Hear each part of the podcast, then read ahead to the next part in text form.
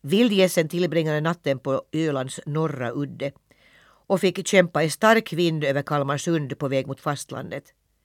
När de närmade sig de första skären hörde de ett väldigt dån och vattnet under dem blev på en gång alldeles svart. Gässen sänkte sig raskt men innan de hade nått vattnet hann västarstormen fram till dem och vräkte dem ut mot öppna havet. Det var omöjligt att vända.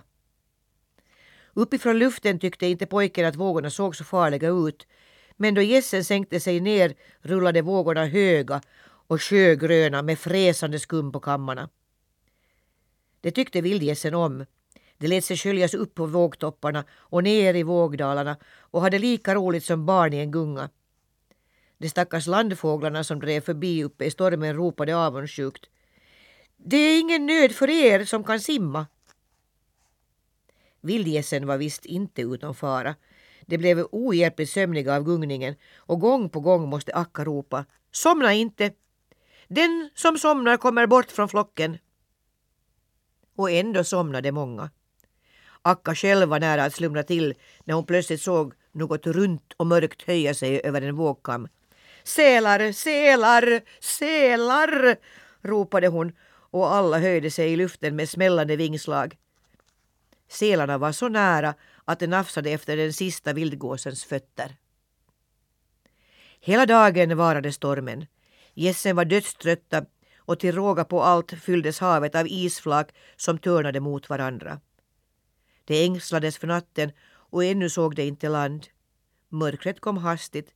Månen höll sig dold bakom molnen.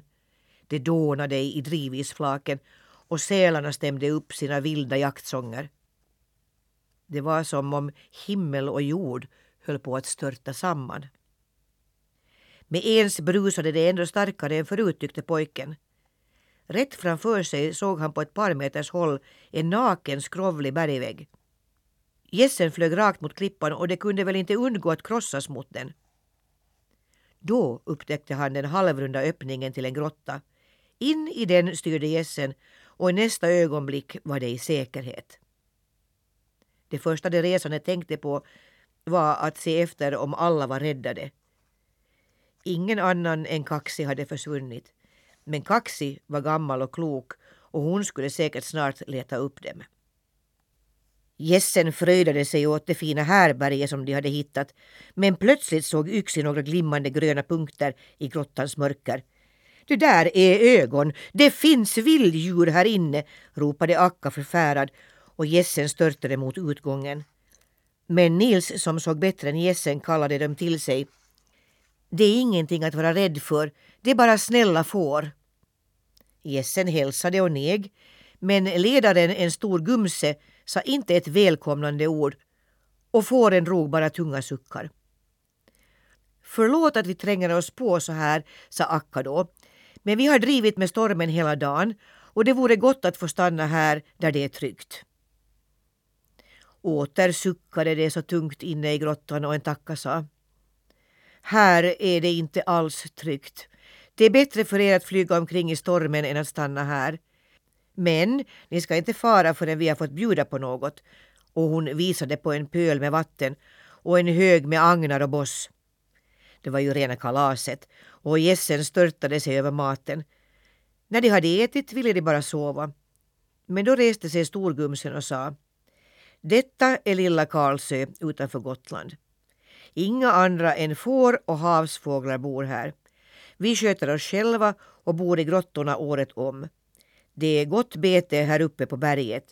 Men i vinter var det så kallt att sundet frös och tre stycken revar kom över isen hit från fastlandet. Det smyger sig på oss får när vi sover och de har rivit och dödat nästan allihop. Det är bara vi i den här grottan som är kvar och vi orkar snart inte vaka mer. Gumsen suckade tungt. Akka ville inte gärna dra ut med sin flock i ovädret igen hon vände sig till Nils och bad honom hålla vakt utanför grottan och varsko så att det kunde flyga sin kos om revarna dök upp. Han var måttligt glad åt uppdraget men allting var bättre än att ge sig i kast med stormen. Han satte sig i lä bakom en sten och snart såg han tre revar komma smygande upp för branten. och då tyckte han att det var väldigt synd att bara väcka gässen och lämna fåren åt sitt öde. Han kilade in, ryckte storgumsen i hornen och svängde sig upp på hans rygg. Res på er far, för nu ska vi skrämma rävar.